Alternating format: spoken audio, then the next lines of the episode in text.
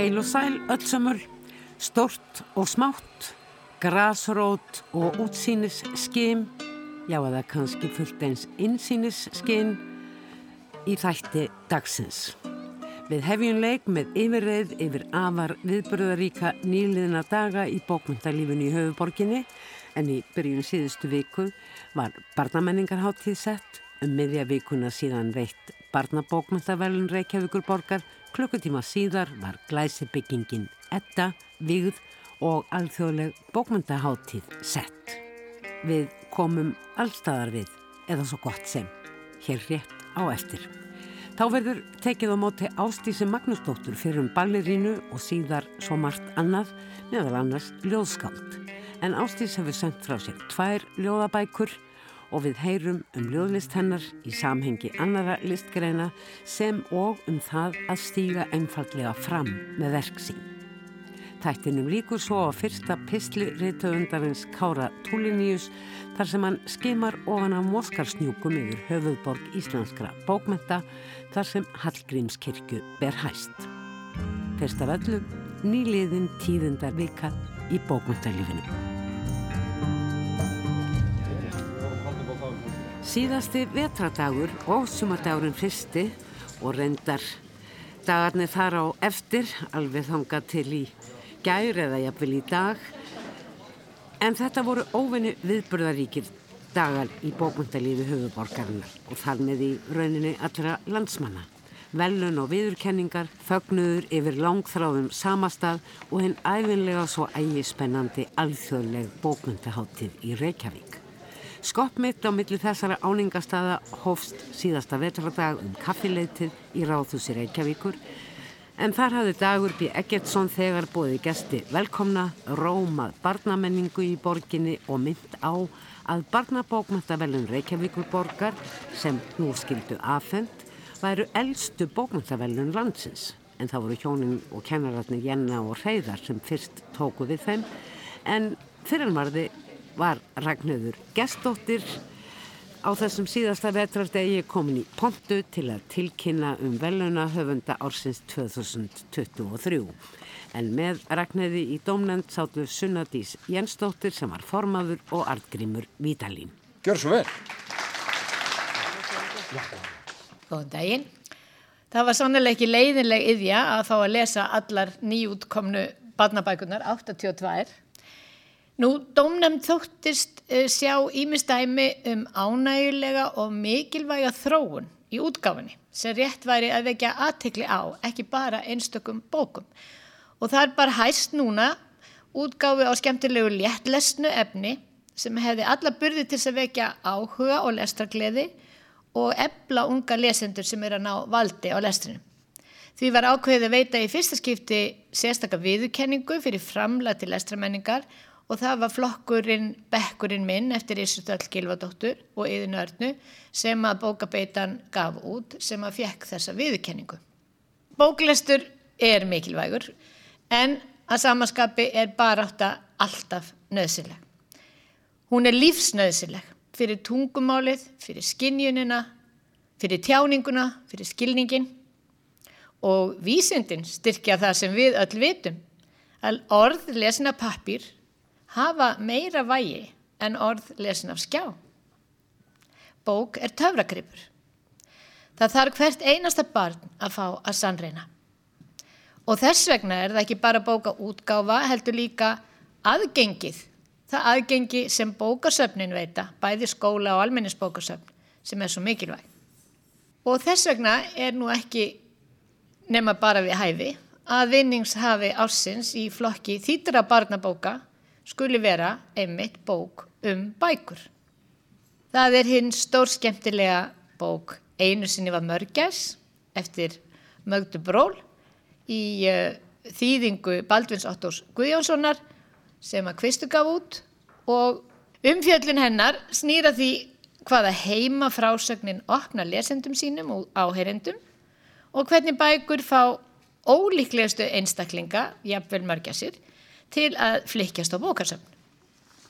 Já, bók getur verið huggun, hressing, gleðigjafi, hún getur verið kærferðarfélagi, jáfnvel allt lífið. og bók getur meira að segja breytt lífi með því að opna augu okkar og huga. Og það er bóka því tægi sem lítur verðlaunin í ár fyrir bestu frumsömdu íslensku barna- og unglingabókina. Bókin er Kollnís eftir Ardísi Þóraunstóttur í útgáðum máls og menningar. Og í umsögndómnemdar sagði af eftirtektaverðri næmni, mannskilningi og rítfærni fjallar Ardís Þóraunstóttur um brosnar vonir og vendingar snúin fjölskyldutengsl, bróður, ást og einhverfu. Bókin er í senn fyndin og falleg, hjarta nýstandi og raunsönn. Hún heldur lesenda frá upphafi og ætti að höfða til breyðs aldurshóps lesenda. En bók er eins og borgarstjóri myndist að hérna á þann, alls ekki bara prentuð orða pappir. Meiri sé að myndalösa bæku bensku okkar sem erum eldri voru meir en það lúin kápa, liturinn á bandinu, letrið. Þetta var allt hluti af lestrar upplifuninni. Og þegar myndlesturinn bætist við, stiður og styrkir, sameinast sögunni sem orðin segja í órjúvanlega heild, þá er bókin orðin sangkallaður galdargripur. Hún er gátt inn í nýja heima. Og þannig er um þá bók sem verðlaunuð er fyrir myndlýsingar í ár. Hér að gerði er bæði rituð og myndlist af Lóulín Hjámtíðsdóttur og útgefin af Sölku. Þetta er augljóslega ekki myndabók fyrir yngstu lesenduna og ekki bara vegna þess að tekstin er lengri og þingri þó að þungur en kannski ekki ár sem maður myndi vilja nota um þennan sprellfjöru að teksta. Heldur eru sjónræni þættir eins og litir og síðum og letri notaðir á mjög markvísan hátt til að styrkja sjálfstæða lestrar upplifun ungra lesenda. Myndgerðin er í senn fjöru og öguð. Mikilvægt er að lesendur fái að upplifa að bók geti verið fallegur hlutur og spennandi. Og hér er myndræn útfæsla sem höfðar til þeirra notuð af mikilli leikni og gleði. Og þá er ekkit eftir nema að óska velinu höfundunum til hamingu og ekki síður að óska okkur öllum til hamingi með að þau skuli hafa skilað þessum gessimum til okkar og til barnan okkar. Takk fyrir.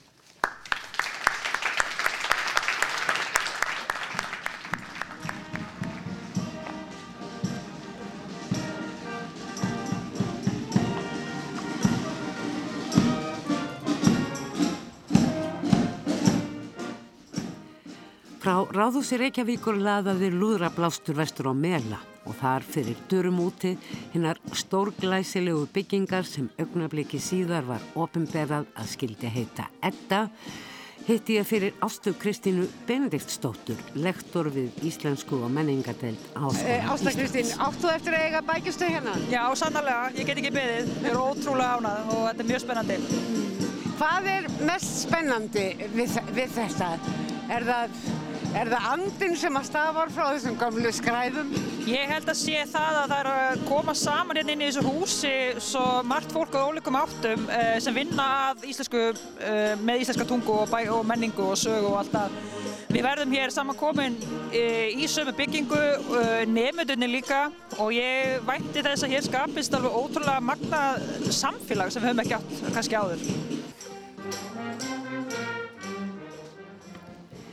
Tilsýndar virðist bygging ettu svo litið dökk en þegar inn er komið opnast flæðandi ægi björnt rými og þarna stóð formaður stopnunar Árna Magnússonar, Guðrún Nortal. Má ég óska þér til hamingu? Já, já takk. Hvað verður svona merkilegt við þetta hús? Já, það er náttúrulega fyrir... Hver er draumur þinn?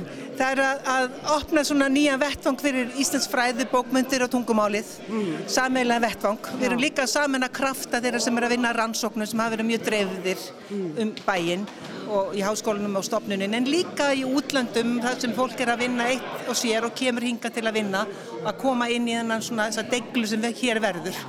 Þetta mun vera bylting. Takk fyrir. Þú ert hoppandi glöð, ég. Já, ég er hoppandi glöð, já maður þarf nú aðeins að líti kringum sig hérna um leið og maður gengur inn. Vá hvað þetta er bjart þegar maður kemur inn. Múur og margmenni hér yðandi og þar á meðal Gísli Sigurðsson, rannsóknarprofessor. Hvað segir þú í dag? Ég segi bara til ham ekki með daginn. Við erum öll hér mjög ánæg með þetta allt saman og við Ert þú búinn að skoða húsið í, í hólf og gólf? Já, við höfum fengið að fórskoða þetta aðeins en það var miklu meira rík og efnalikt þegar við komum hérna. Þetta er að verða aðeins meira eins og vinnurými fyrir fólk núna. Þú átt eftir að eiga bækjustöð hérna einhver tíma eða Já, ekki? ég er hérna upp á efstalofti innst á laungum gangi þannig að ég mæti svona kröfum líkamsræktarinnar með því að ég held ég var á við fimm minútna göngutúr með því að koma hinga niður á bókasafnið og sækja mér bók á hálftíma fresti. Orðabók Háskólans er kannski svo stofnun íslenskunar sem kemur einna lengst að og hefur farið hvað víðast eins og Ásta Svavarsdóttir rannsóknardósent upplýsti. Ég var fyrst á Nesaga og svo erum við búin að vera núna mörg ára á lögavegi 13. Þannig að þú loksins að komast á torfuna núna eftir langa útlegin. Já, eða það er að segja við erum loksins að komast öll í sama hús. Og svo margir, margir fleiri. Ég heyri það eiginlega á öllum að aðal eftirvæntingin er eftir samneitinu. Já, við erum náttúrulega, það voru samin að stopnarnir 2006, þá var það átnastofnun til. Já. Það er fyrst núna sem við komum öll á sama stað. Já. Og það er mikið tilöknarefni. Já, það er búið að vera löng byð eftir því. Kanski bráðnu við loksins öll saman núna. Já, það er samneitið, samræðan, samveran yfir höfuð sem verðist helsta tilhökunarefnið þegar stopnarnir íslenskunar allar verða sestar að í ettu eftir nokkra mánuði. En það var ennþá eitthvað eftir í þessum síðasta vetrardegir þann 19. mars 2023. Alþjóðlegu bókmyndaháttíði Reykjavík og fjölmenni mætti í yðnó. Þar á meðal ljósmyndarinn og bókaormurinn Einar Falur Ingólfsson. Hvað segja menn í blá byrjun bókmyndaháttíðar? Hvað er svona merkilegt og gaman við bókmyndaháttíð að hún drægir svo marga að? Það er bara stemning þegar fólk kemur saman til að hugsa um bækur og, og, og spjalla um bækur og heyra í höfundum og, og svona tjá sig um bókmyndir. Og það eru alltaf áhugaverður höfundar og stundum á maður uppáhalds höfunda og svo aðrir sem aður, sem aður nýtu þess að, að hlusta og svona Kynnast. kynnast. En já, svo er það nefnilega líka. Er að þetta er tækifæri til að kynnast höfundum og það er náttúrulega mjög mikilvægt einmitt að að þeir verið að kynna hátíðina fyrirfram og miðla og, og, og þeir líka forlaugin standa sig vel ofta að, að gefa út þýðingar líka, mm -hmm. það er mjög, mjög gott eða það tekst. Þetta er mjög svona fjölsgrúðugur hópur.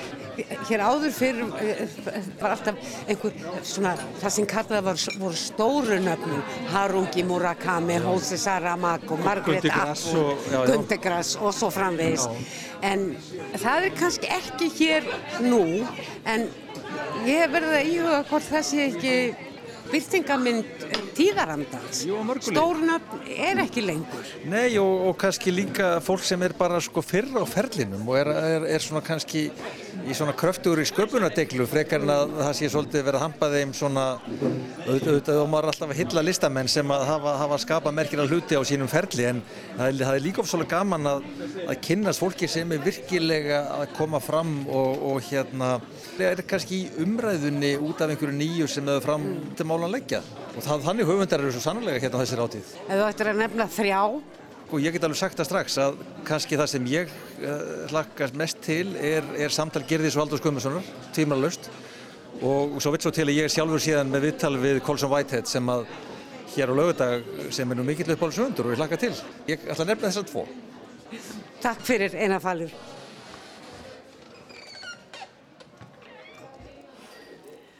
Þetta var blá upphafið á bókmyndaháttíð þegar rétt var búið að setja háttíðina og það er ekki að orðlengja að bókmyndafólk, höfundar og lesendur letu sig ekki vanta á viðburði háttíðarinnar sem laug ofinberlega með bókaballi í gerkvöldi. Það var hreinlega tróðið á alla viðburði. Hér í þættinum orðum bækur á óíkjandi eftir að minnast þessara góðu daga á mörgum veturs og sömars á næstu vikum.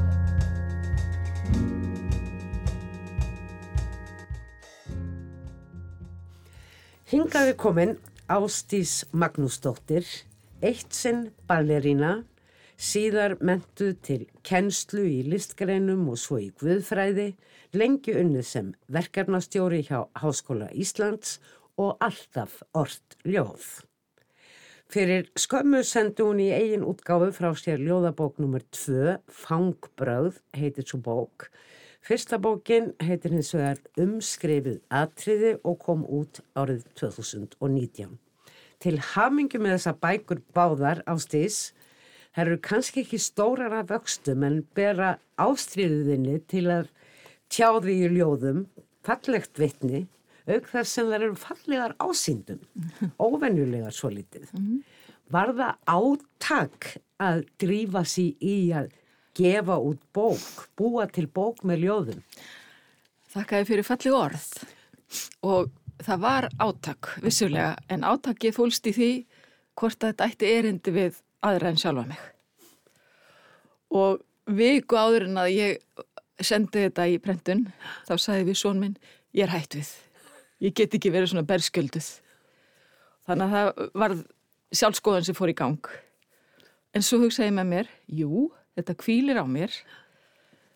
Ég þrá að gera þetta og let vaða. Það stendur hér á blaðinu einmitt hjá mér ljóð eru í eðlu sínu berskjaldandi. Um leið búaðu líka til vörn, formið kannski býr til skil á milli höfundar og ljóðsins. Þú veist sammála þessu? Já, þetta er mjög flott greining. Ég, ég held að það sé alveg rétt. Maður felur sér dálítið bak við formið. Þó að í grunninn sé þetta að mestuleiti mjög viðkvæma tilfinningar. Þetta eru personlega ljóð. Já, þau eru það mm. og eiginlega öllum þeirra er, eru sallegskorn. Já, eitthvað sem að raunverulega gerðist, Jú. tilfinningar sem að raunverulega fund, var fundið fyrir Jú. og svo framvegis. Jú, rétt. Fyrir bókin umskrifuð atriði er nokkus konar uppgjur en einnig endurlit til fortíðar, til bensku, tímatnir hafa breyst, mm. umhverfið hefur breyst, minningar öðlast ákveði samhengi eigum við kannski að heyra eitt ljóð svona úr svona einhverstar úr byrjuninni þar sem þú ert svona að skoða umhverfið þitt og nánustu vandamenn af að þín á ömmutaldið á þeim tímum sem einu sinni voru. Mm. Ég skulle sjá hvort að ég finn ekki eitthvað sem tengir mig við ömmu afa. Ég, þau höfðu mikil áhrif á mig og, og höfðu stóran sess í mínu lífi. Bygguðu nálagt þér sem Já, barn? Já, við byggum í kjallaranum og ammu hafi uppi. Þetta var þeirra hús. Og uh, það er kannski að lesa þetta. Það heiti fyrir Austan fjall. Gerðu það? Í laugaskarði, klætt bláum prjónasundból, með svartan gúmikút á bakinu, lærði ammað synda. Á meðan þesti afi tjaldtælana, strengdi stögin, fegst við prímusinn, sett upp kartöblur og smurði hverabrauð. Ég stegi kúadellu og sólbrann á handlegnum.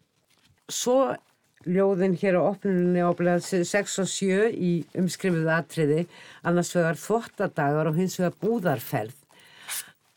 Þau svona opna sín, leftur sín inn í fortiðin og fortið sem ég sekki líka. Já, já ég sé það núna, ég las úr vittlusu bók á það. En það var samt um að móa. Vilt að ég lesi búðarferð? Já. Búðarferð.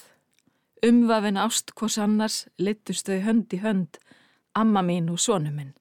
Byrðin létt, normal brauð og hálft nætu saltað ísuflegg, vestubærin alheimurinn. Þú ert alveg upp í Já, vesturbænum. Og uh, grónir garðar mm. og þær breytingar sem þeir taka verð hafa orðið þér yrkisefni, ekki satt. Jú. Svo er stór hluti þessarar bókar umskrifuð atriði og kemur endar upp í fangbröðun líka. Uppgjörðitt við skilnað sem að greinilega var já, ekki endilega þínum vilja. Já og nei þetta eru eiginlega þetta eru áhrif af þeim tveimur svona um, samböndum sem hafa annars vegar þegar ég var gift og, og börnum mín og, og það er meira svona treyi og eftirsjá og svo koma þarna inn Fleiri sambönd. Hefur ljóðið orðið þér atkvarf til þess að, hvað ég segja, íhuga, hugsa. Ég hef svolítið það á tilfinningunni. Þetta er ekki beint viðbræð heldur tóm staður til að hugsa um það sem gerðist og hvernig skuli haldið áfram. Það er rétt, þetta hefur auðvitað sárrensla sittur í manni og það misa hvernig fólk vennur úr hlutunum. Þó að langt séu liðið og þá, þá blundar í mér ákveðin reyði, uh, eftirsjá. Það kannski hefur verið einhver þörf innra með mér fyrir að koma þessu frá mér og kom mér jáfnvel á óvart því ég settist í skriftir hvað þetta leitaði á mig. Þú segir í uh, formúli eða eftirmál, nei, aftan á bókinni að, að ljóðaskrif hafi fyllt þér frá því þú varst smá stelpa en þessi ljóð þau eru ekkert svo giskagömmul. Nei, þetta er ekki gömuljóð. Elsta kannski frá 2017 og þetta kom daldi í belg og byðu. Bara kom yfir með einhver greiðaleg þörf og þess vegna var setni bókin til. Fangbröð. Já, og uh, núna get ég ekki orð. Það hefur ekki, ekki komið. Ljóðæðin hefur ekki opnast aftur. Ekki aftur, svo ég, ég bara býð að því að ég nýt þess ofbúslega því ég er að skrifa. Ég fer á eitthvað svona, eitthvað stað sem að minni mig svolítið á þegar ég var að dansa, ef ég má segja það. Maður er bara í sjálfun sér, bara algjörlega í sjálfun sér, í augnablikinu og ég er alveg bara, yes, ef ég má segja svona, konan. Og þetta er þörf, þetta er bara þörf. Og svo er maður náttúrulega sko, svolítið exhibitionisti, ég viðkenni það. Þú vilt alveg Ég sína þig. vil alveg sína mig og, og þó ég hafi átt í svona dálítið glímu áður en ég gaf út fyrir bókina þá fann ég ekki fyrir því með setja bókina ég var, ég var bara Það var bara mjög brött sko eðlilegt. Já, og eftir á að higgja ég sé ekki eftir þessu nokkuð nátt sko en ég veit ekki Hér hvort á að ég blaðsíðu 13 í fangbröð, setni bókinni, þar er ljóð sem heitir Dansandi ljóð Já, sem að minja reyndar á titil á síningu eða dagskrá sem að Já. sviðslista konu 50 ára og eldri held ég að hafi sett upp. Já. Tengist það eitthvað? Já, algjörlega. Þetta er alveg harrið hjá þér.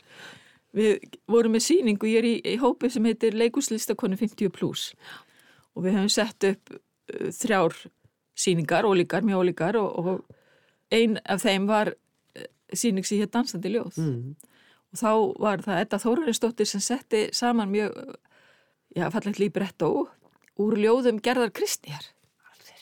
Og þetta var alveg einstaklega skemmtilegt og ég vann meðal annars við það að hjálpa til við að setja upp verkið með reyfingar og, og dansa og staðsningur annar Mm. á samt fleirum og, og, og vinkonu minni Ingi Björgu Bjóstóttur og eftir á þá setur eitthvað í manni þegar maður hefur tekist á við svona skemmtilegu verkefni Já.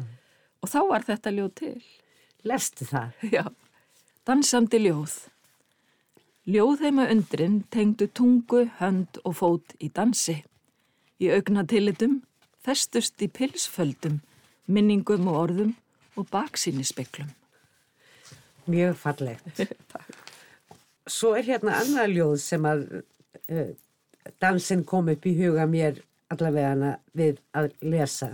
Það heitir Skór og er einmitt í, líka í þessari bók Fangbröð. Já, þetta er minning. Ég man eftir þessu, ég hef bara verið smá stelpa, sko. Og þetta gerðist aftur og aftur að ég fór skónum úti. Og var skömmuð. Skór, skömmuð fyrir skóleysið, svaraði ég. Elsku mamma mín, þeir fuka af mér. En fer ég úr skónum þegar ég vil finna hjarslátt í jarðarinnar undir iljunum. Þú hefur komið víða við, þú var vantarlega ung byrjaði í dansinum, annars hefur ekki náð svona langt eins og þú gerður og dansaði í aldra fjórðung á sviði þjóðleikúsins. Í rauninni var ég ekkert svo ung. Nei, Nei, ég var orðin 15 ára þegar ég kom inn í listanskóla er þjóðlíkusins. það satt? Já, þannig að það átti að kasta mér út, svo sem var þá hérna skrifstofstjóri þjóðlíkusins, bent á mig yfir allan hópun og sagði þú dón alltaf gömul. Ég segi fyrir ekki neitt. Pappi minn var búin að tala við Gísla Alfredsson og hann var búin að tala við listanstjóran og ég mátti koma í inntökupróf. Mm. Svona byrjaði það. Þú varð gifturíkur ferill en ferill uh, klassist ballettdansara er ju aldrei sérlega langur. E, og þannig að þú áttur nóg eftir þegar þú stegst ofan af sviðið þjóðleikúsins og þá ferðu að stunda nám, lærir fyrst eins og ég sagði upphafi kennslu eh, fræði listgreina Já. en svo ferði í guðfræði. Já, Hvað kom til? Ertu já. barnatrú kemur nú fram í báðum bókunum. hún gerir það svolítið og jú, ég er alveg upp við að læra bænir og fara í barnaguðsjónstur með afa og mömmu áraðanlega líka, ég bara man meir eftir afa. Ég var hann 39 ára því ég hætti að dansa og og var alveg svakalega uh, tínd uh, þarna í nokkur ára eftir. Við segjum ekkert í hvort fótinn ég ætti að stíga. Svo fekk ég vinnu í háskólanum og og svo horfði ég á börnum mín færi gegnum háskólanám og ganga vel og ég fór að hugsa með mér kannski get ég þetta líka? Og þá sótti ég um í listaháskólan og, og, hérna, og fekk inni. Og þá var ég einhvern veginn komin á bræðið og mér fannst þetta svo svakalega gaman að ég held bara áfram og byrjaði að taka djáknarnám og kláraði það og svo fór ég í BA og, og svo Emma Já, og í- sko viðþór mitt til námsins var það sama og viðþór mitt til dansins dansin er alltaf undirliggjandi. Já. Þú talaði líka um þetta ástandið við það að yrkja, það væri eins og dansin. Já, þetta er eitthvað svona flæði sem er þarna, það er eitthvað svona, mm. er eitthvað lækur sem rennur og ég kannski veði honum stundum og, og skvetti úr honum eða á mig og þetta er eitthvað sem að er bara partur af minni personu. Mm. En uh, þú ert hvorki blind á samfélagið nýja trúabröðin eins og nýja orðstafi biblíunar eins og ljóðun bera eins og til dæmis þingvellir, vigðalaug, hona fer í bað. Eigum við að heyra það ljóð? Kona fór í bað. Ó, Batseba, þú vissir vel að myndi sjá þig, var það ekki? Það er svolítið glott þarna. Já. Ég gati ekki annað því að mér hefur alltaf fundist þetta sko, þetta var ekkit óvart. Nei. Konur eru konur. Svo tekur þau náttúrulega daldið vel upp hanskan í ljóðinu Þingvellir. Mm. Mátt lesa það líka. Já, þakka þér fyrir. Þingvellir. Þar var konum tróðið í póka, drekt í hil, á meðan bókstafurinn barði sér á brjóst í líki karla. Sáu þar sem syndlös er. Þar var blámi heimins, fjalla og vatna, fjóla og blágræsis, til vitnis. Örfá orð um útlitbókana. Mm. Þú hannar það sjálf Já, og þetta eru svona uh, krítar, litkrítartekningar Mhm. og þær eru af hvern líkama þegar grantir að gáð já, sem er í dansi, einhvers konar dansi, já, hreyfingu. já. Það er rétt, en ég skal segja þér með utan á fyrirbókinni, þá var þessi fíkura til fyrir tilviljun því ég var að tekna fjall. Ég var að tekna fjall. Og svo Yes. snýr ég við og þá sé ég, býtu, Lárétt er þetta fjall. fjall, Þannig að þetta er svolítil fjallkona. rétt er það. Þannig að þannig varð hún til, en hinn, hinn var svona, hún horfið svolítið á annarkvort sólsetur eða sólar uppbrás og það er svolítið spennað eftirvending í bakinu á henni og það er rauður lindi, Já. það er eflust eftir að finna eitthvað út úr þessu, en þetta gerir, eins og hjá mér mjög ljóðan, þetta gerir svolítið spontant. Eigum við að ljúka þessu með uh, loka ljóði bókarinnar Fangbröð. Það ljóð heitir Hind Já. og mér finnst eins og það sé í bland einhvers konar sjálfsmynd. Já, það er líka, hvað ég segja, það er, það er eiginlega svona ástarkveðja til skapara heimis og hérðar. Hind. Þegar þráheikjan tekur völdin, skilur mig eftir í öngum mínum, þráir sál mín þig, Guð. Þú leiði mig að grænum grundum, vötnum og fjallasölum eins og hindina, æfinlega. Nei, kannski er þetta ekki sjálfsmynd að minnst að kosti aðeins hluti af sjálfsmynd þinni. Ástís Magnúsdóttir, þakka þér innilega fyrir komin og enn og aftur til hamingi með bækuna. Þakka þér kærlega fyrir.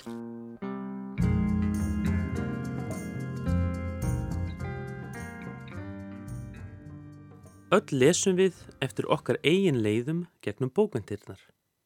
Við fylgjum kunnugulegum götum, förum stundum á fjölfarnar staði, en jafn oft inn í íbúðir sem engin heimsækir nema við og kannski örfáir aðrir lesendur.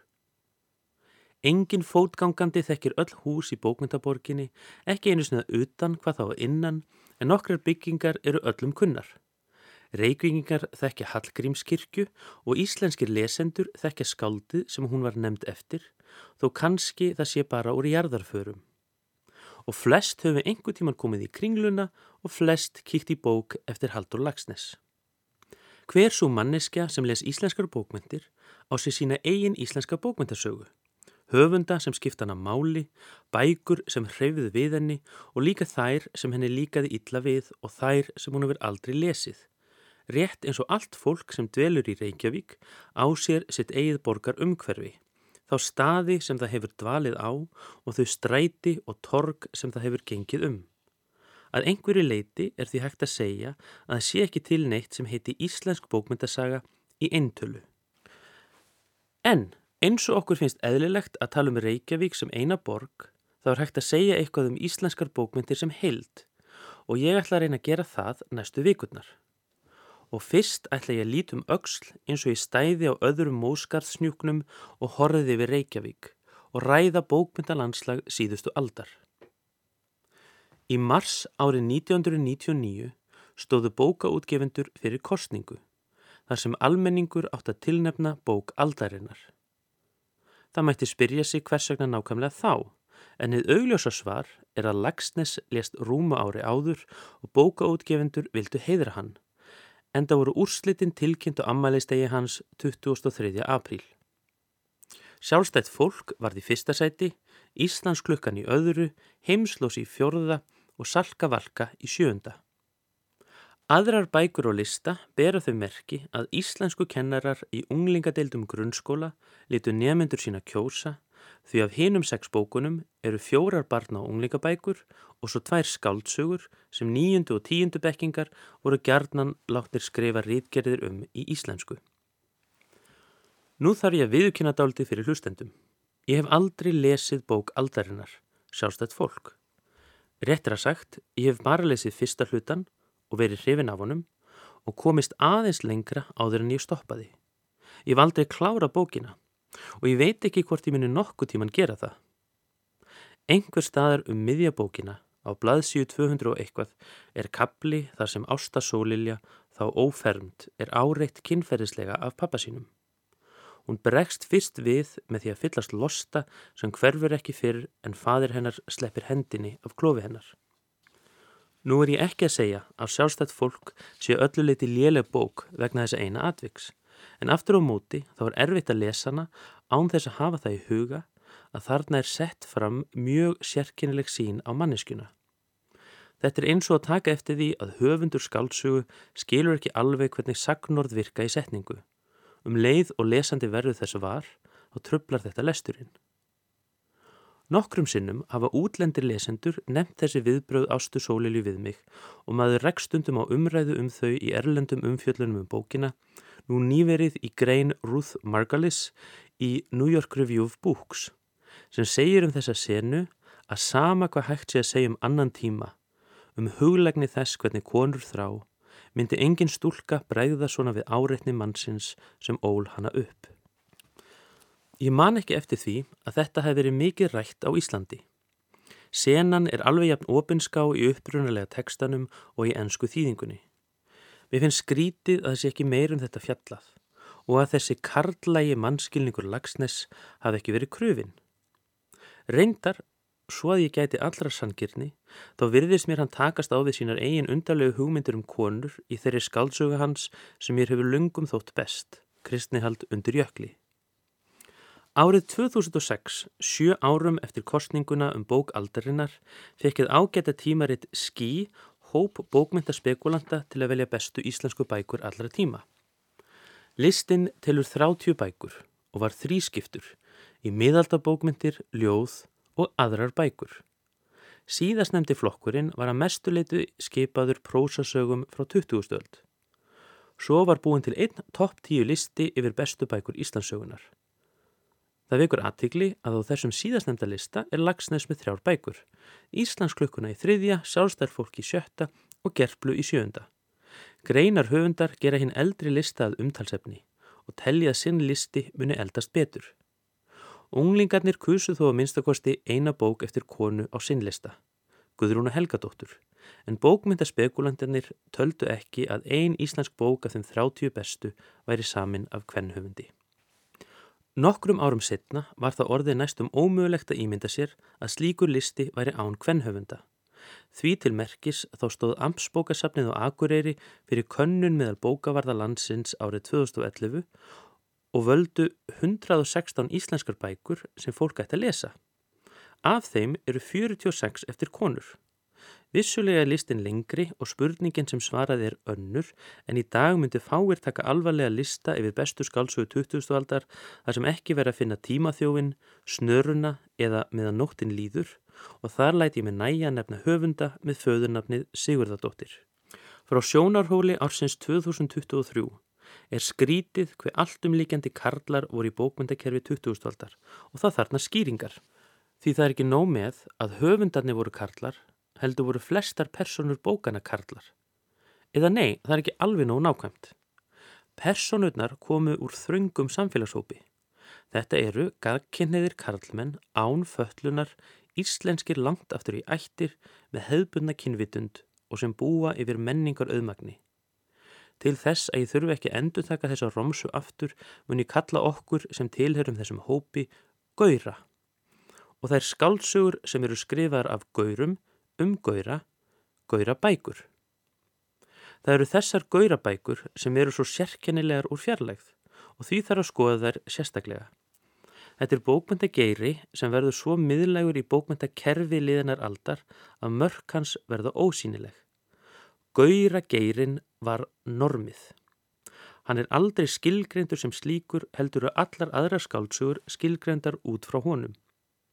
Þetta er augljóst sér litið til þeirra bóka sem flokkar eru sem kvennabókmyndir, hinseinbókmyndir, innflytjendabókmyndir, eftirlendubókmyndir og svo framvegis. Þær eru stundum kallaðar geirabókmyndir. En það þarf ekki að lesa lengi hins einn bókmöntum, svo eitt dæmis er tekið, til að sjá að þær eru ekki geiri að öðru leiti en því að í þeim er að finna sjónarhort fólks sem ekki er gagkinnegt. Samá við um aðra geira af þessu tægi.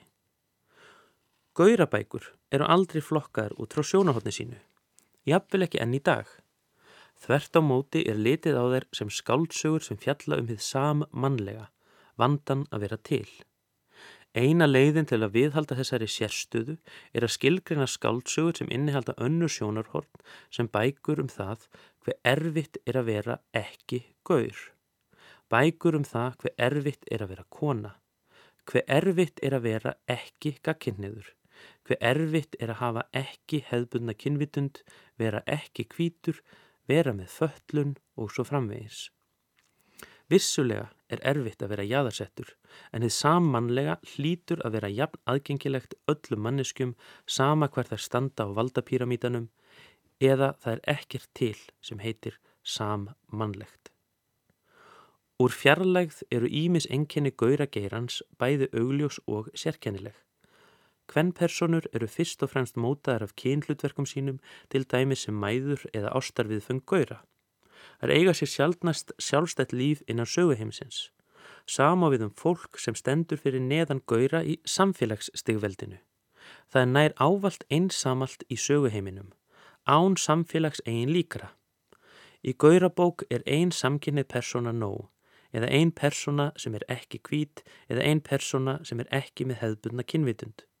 Það reyndar ekki mikið pláss fyrir persónur sem eru ekki gaurar því að minnstakosti tvær af hverjum þremur persónum í gaurabók eru gaurar og er hlutfallið yfirleitt mun herra. Þetta er sérstaklega undarlegt ef við lítið til þess að gaurabækur eru oft taldar til samfélagslegra raunsæðisbókmynda þó að gaurar séu ekki meiri hluta, hvað þá yfirgnæfandi meiri hluta í neinu samfélagi. Það er næstum eins og gaurabækur gerist í staðleysu þar sem konur og aðrir jaðarsettir hópar séu innverðungu 10-30% mannkins en ekki meira en helmingur. Á 20. öld var svo heimur sem fjölmilar byrtu einmitt slík staðleysa, þar sem gaurar voru miklu meiri hluta þeirra sem töluðu og skrifuðu. Aðra rattir voru að miklu leiti útskúfaðar fengu lítið pláss í dagblöðum, tímaritum, sjónvarpi og útvarpi. Fjölmiðlar voru helst í vettvangurinn þar sem orðstýr bóka var skapaður. Það er því ekki skrítið að þær skálsögur fengu meðbyr sem byrtu söguheim sem var svipaður fjölmiðle heiminum að því leiti hver gaura hlutföllin og umfjöllunar efnin eru. Skáld urðu svo fyrir áhrifum af þeim bókum sem fengu góðan orðstýr og þannig varð bókmyndageirinn Gaurabækur smám saman til. Annar vettvangur var háskólasamfélagið en Gaurar voru miklu meirlöta kennara þar á 20. stöld og ítti það því undir þessa þróun sérstaklega í ljósi þess að það fólk sem fjallaði um bókmyndir í fjölmiðlum, yðurlega Gaurar, var oftast háskólamentað. Bæði í fjölmiðlum og háskólum heyrðust rattir annara en gauðra sjaldan og því var öll umfjöllun út frá þeim. Því var aldrei tími til að ræða, til dæmis, það að Lagsnes ímyndaði sér að 13 ára stelpa myndi gyrnast föðu sinn ef hann greip um klófennar. Ef að þetta var tekið til skoðunar, þá var það helst meðal almennings, en hann var undir talsveðum áhrifum frá fjölmiðlum og háskólasamfélaginu og hafði ekki neina miðla til að dreifa hugsunum sínum. En ef við ímyndum okkur aftur að við stöndum á Móskarsnjúk og horfum yfir bókmyndaborgina þá blasir við að eitthvað hefur breyst síðan um aldamótin síðustu. Almanna rómur hefur fengið meira pláss og þarf ekki lengur að fara um húsasund og einstefnu götur. Tími samfélagsmiðla var runnin upp.